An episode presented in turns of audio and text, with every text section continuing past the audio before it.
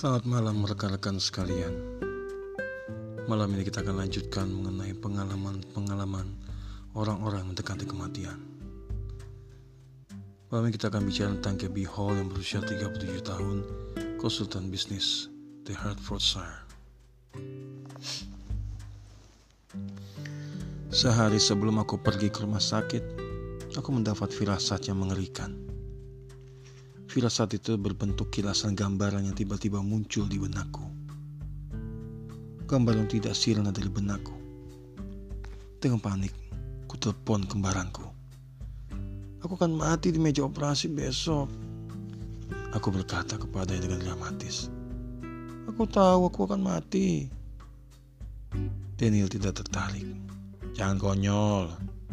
Kau cuma akan dioperasi gigi bungsu kok. Katanya dengan jengkel. Aku tahu kata-kataku terdengar bodoh. Tapi aku tidak bisa menyangkal bahwa sesuatu yang buruk akan terjadi. Seolah-olah segala hal dalam hidupku bergerak menuju titik ini.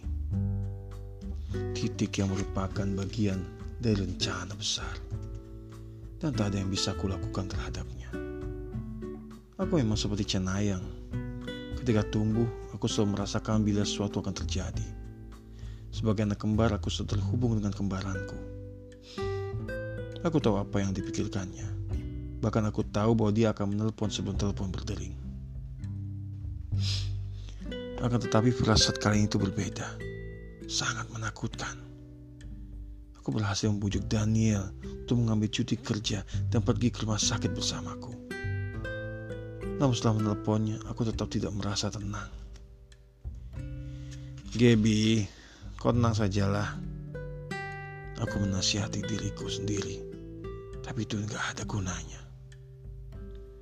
Malam itu aku terjaga selama berjam-jam di rumahku di utara London dan mencemaskan apa yang terjadi keesokan harinya.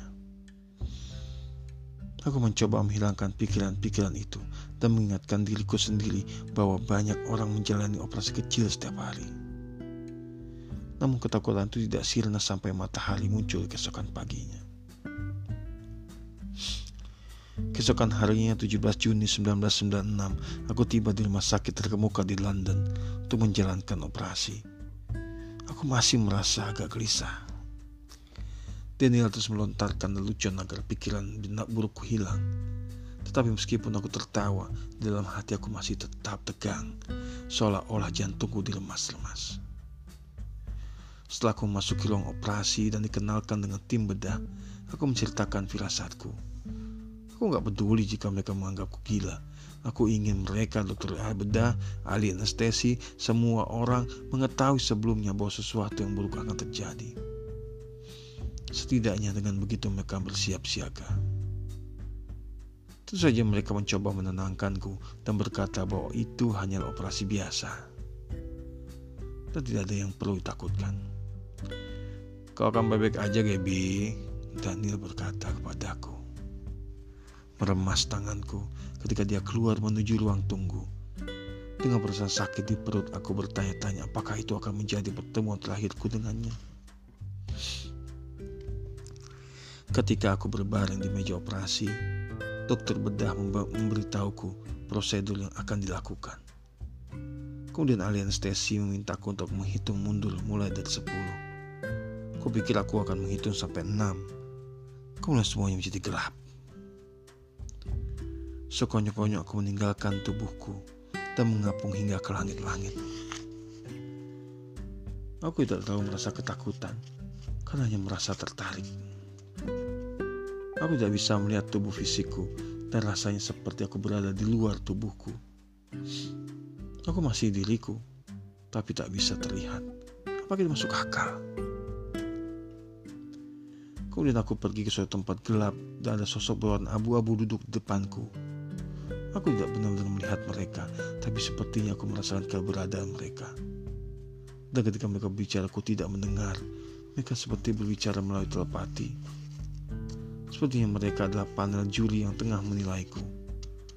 Aku hanya bisa menggambarkannya seperti wawancara kerja spiritual. Orang-orang bertanya kepadaku, apakah yang kulihat itu adalah Tuhan? Wujudnya tidak utuh, tapi kehadirannya begitu kentara. Aku nggak merasa takut, juga nggak merasa dibanjiri cinta ber, tidak bersyarat atau cahaya sebagaimana pengalaman orang lain yang kubaca. Aku hanya merasa masuk ke ruang lain bercakap-cakap dengan sosok-sosok itu. Kau harus kembali, kau punya misi. Aku ingat aku tidak ingin kembali. Aku mengalami hal-hal buruk dalam hidup. Banyak hal yang tidak berjalan sesuai harapan. Aku merasa akan lebih baik jika aku tetap tinggal di sana. Tapi kemudian aku kembali ke tubuhku dan ketika aku buka mataku, tim operasi tengah menangis. Rupanya firasatku menjadi kenyataan. Aku mati di meja operasi. Aku sudah memberitahu apa yang akan terjadi, kataku dengan nada menunduk sambil duduk di pembaringan. Mereka semua terdiam ketika mendengar aku berbicara. Tapi kami telah memberimu adrenalin dosis tinggi Ahli anestesi memberitahuku dengan sorot suara tidak percaya, sorot mata tidak percaya. Mereka memberitahuku bahwa aku mengalami guncangan an anafilaksis, reaksi alergi akut, sebagai reaksi terhadap obat pelemas otot yang mereka berikan. Umumnya pasien yang mengalami guncangan anafilaksis tidak akan memburuk, tapi untuk kondisiku justru jantung berhenti. Mereka yakin bahwa mereka kehilanganku dan karena putus asa mereka memberiku adrenalin dosis tinggi. Tak selalu percayai ketika aku bangkit dan sepenuhnya hidup. Aku bisa melihat Daniel di samping pembaringan. Dia juga menangis. Ketika perawat keluar untuk mengabarnya apa yang menimpaku, kalimat pertama yang diucapkannya adalah, dia mengalami serangan jantung bukan? Meskipun sebelum operasi dia merasa yakin tapi kemudian dia merasa bahwa operasi tidak berjalan lancar. Daniel menggambarkan dia memasuki ruangan operasi dan melihatku seolah-olah tengah menyaksikan kematiannya sendiri. Pada saat itu tubuhku mengalami trauma karena histamin yang diberikan terlalu keberlebihan. Dan aku membengkak seperti balon. Karena kami begitu mirip Daniel melihatnya seolah-olah dia melihat dirinya sendiri di meja operasi. Tengah berjuang untuk pertahankan hidup. Ajaibnya aku pulih dan keluar dari rumah sakit keesokan harinya. Seharusnya aku ini aku menjadi akhir yang bahagia, tapi ternyata tidak. Berhari-hari dan berminggu-minggu setelah operasi, aku benar-benar tersungkur. Aku merasa tengah berada di sebuah ruangan gelap dan tak ada yang memahamiku. Aku merasa sangat ketakutan. Aku tidak tahu mengapa aku dikirim kembali dan apa apa misiku. Setelah mengalami peristiwa semacam itu, kau pun pasti berharap hidupmu sekonyong-konyong menjadi lebih jernih dan segala menjadi pasti. Akan tetapi aku justru merasa lebih berat dan bingung. Pada siang hari aku berada di antara Hillquick City tempatku bekerja sebagai manajer keuangan. Pada malam hari aku berkumpul dengan keputusasaan. Aku menelpon rumah sakit karena ingin mengetahui catatan medisku, tapi aku diberitahu bahwa catatan medisku hilang. Aku murung. Apa yang terjadi padaku dapat dianggap begitu traumatis, sehingga datanya pun seolah tidak ada. Aku beruntung karena masih menjaga hubungan dengan ahli anestesi dan diam-diam dia memberikan salinan catatan medis kepadaku. Jelas sekali catatan medisku sebenarnya tidak hilang. Aku tidak tahu apa yang sedang diperbuat dengan catatan itu. Atau mengapa catatan itu begitu penting untukku. Tapi aku senang mengetahui catatan itu masih ada. Perlahan-lahan dengan masih merasa kesakitan, aku mulai keluar dari tempu, tempurung tempatku berada sejak operasi dan mendapatkan kembali kendali atas hidupku. Setelah diberikan histamin dan jumlah berlebihan, aku kehilangan kekebalan tubuh sehingga mudah sekali menderita alergi. Jadi aku mengunjungi klinik alergi untuk membangun kembali daya tubuh, daya tahan tubuhku. Namun pengalaman mati ini juga meninggalkan warisan lain. Seperti ku katakan, aku merasa seperti cenayang tapi setelah meninggalkan rumah sakit, hal itu membuatku sangat frustasi. Ketika hidupku tampak buruk,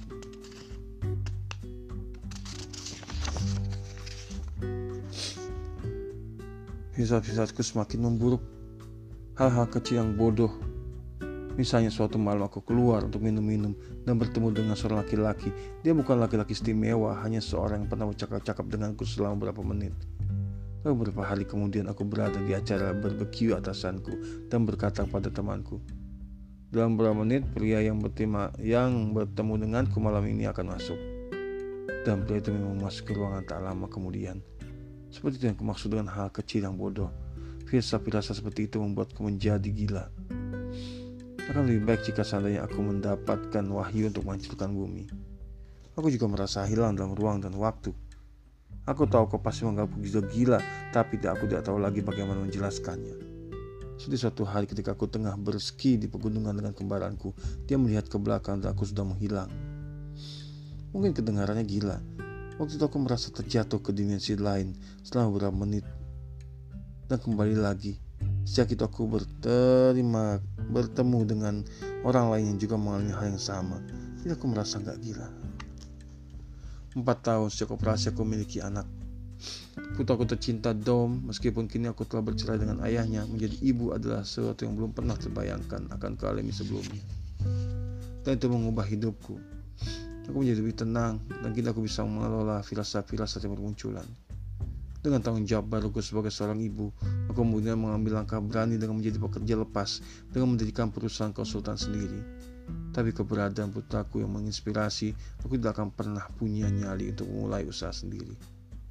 Dalam beberapa bulan terakhir aku telah menjalin hubungan dengan seorang pria yang kucintai dan membuatku sangat bahagia. Akan tetapi kehidupanku sejak operasi itu telah menggerak selangkah ke depan, dua langkah ke belakang. Dalam setiap kejadian-kejadian menakjubkan, dua di antaranya telah membuat duniaku terjerembab lagi. Suami sahabatku dan saudara iparku meninggal. Hubungan dengan ayah Dom berburuk ada kalanya aku mempertanyakan keberadaanku di dunia ini. Aku sering merenung, mengapa aku dikirim kembali ke dunia dan tugas apa yang sebenarnya aku emban. Hal itu membuatku sangat-sangat frustasi. Ketika hidupku tampak buruk, aku mendapati diriku berbicara dengan Tuhan atau panel apa pun itu yang kutemui di hadapanku waktu itu.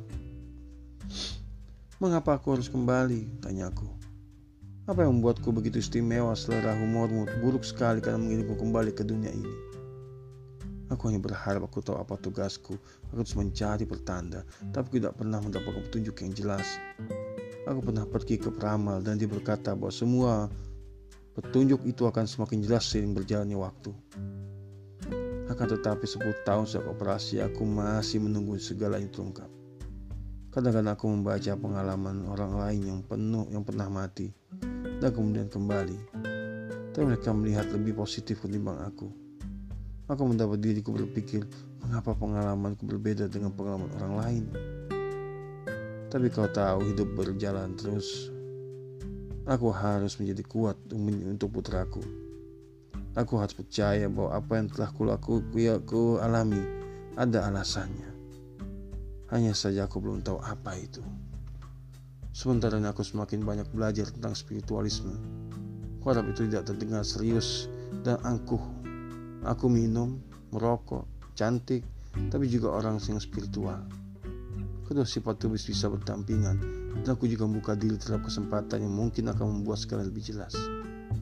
Pada akhirnya, aku tidak akan dijuluki sebagai orang yang pernah mati, tapi sebagai orang yang tahu caranya hidup. Bagaimana kisah selanjutnya? Ikuti di episode berikutnya. Salam.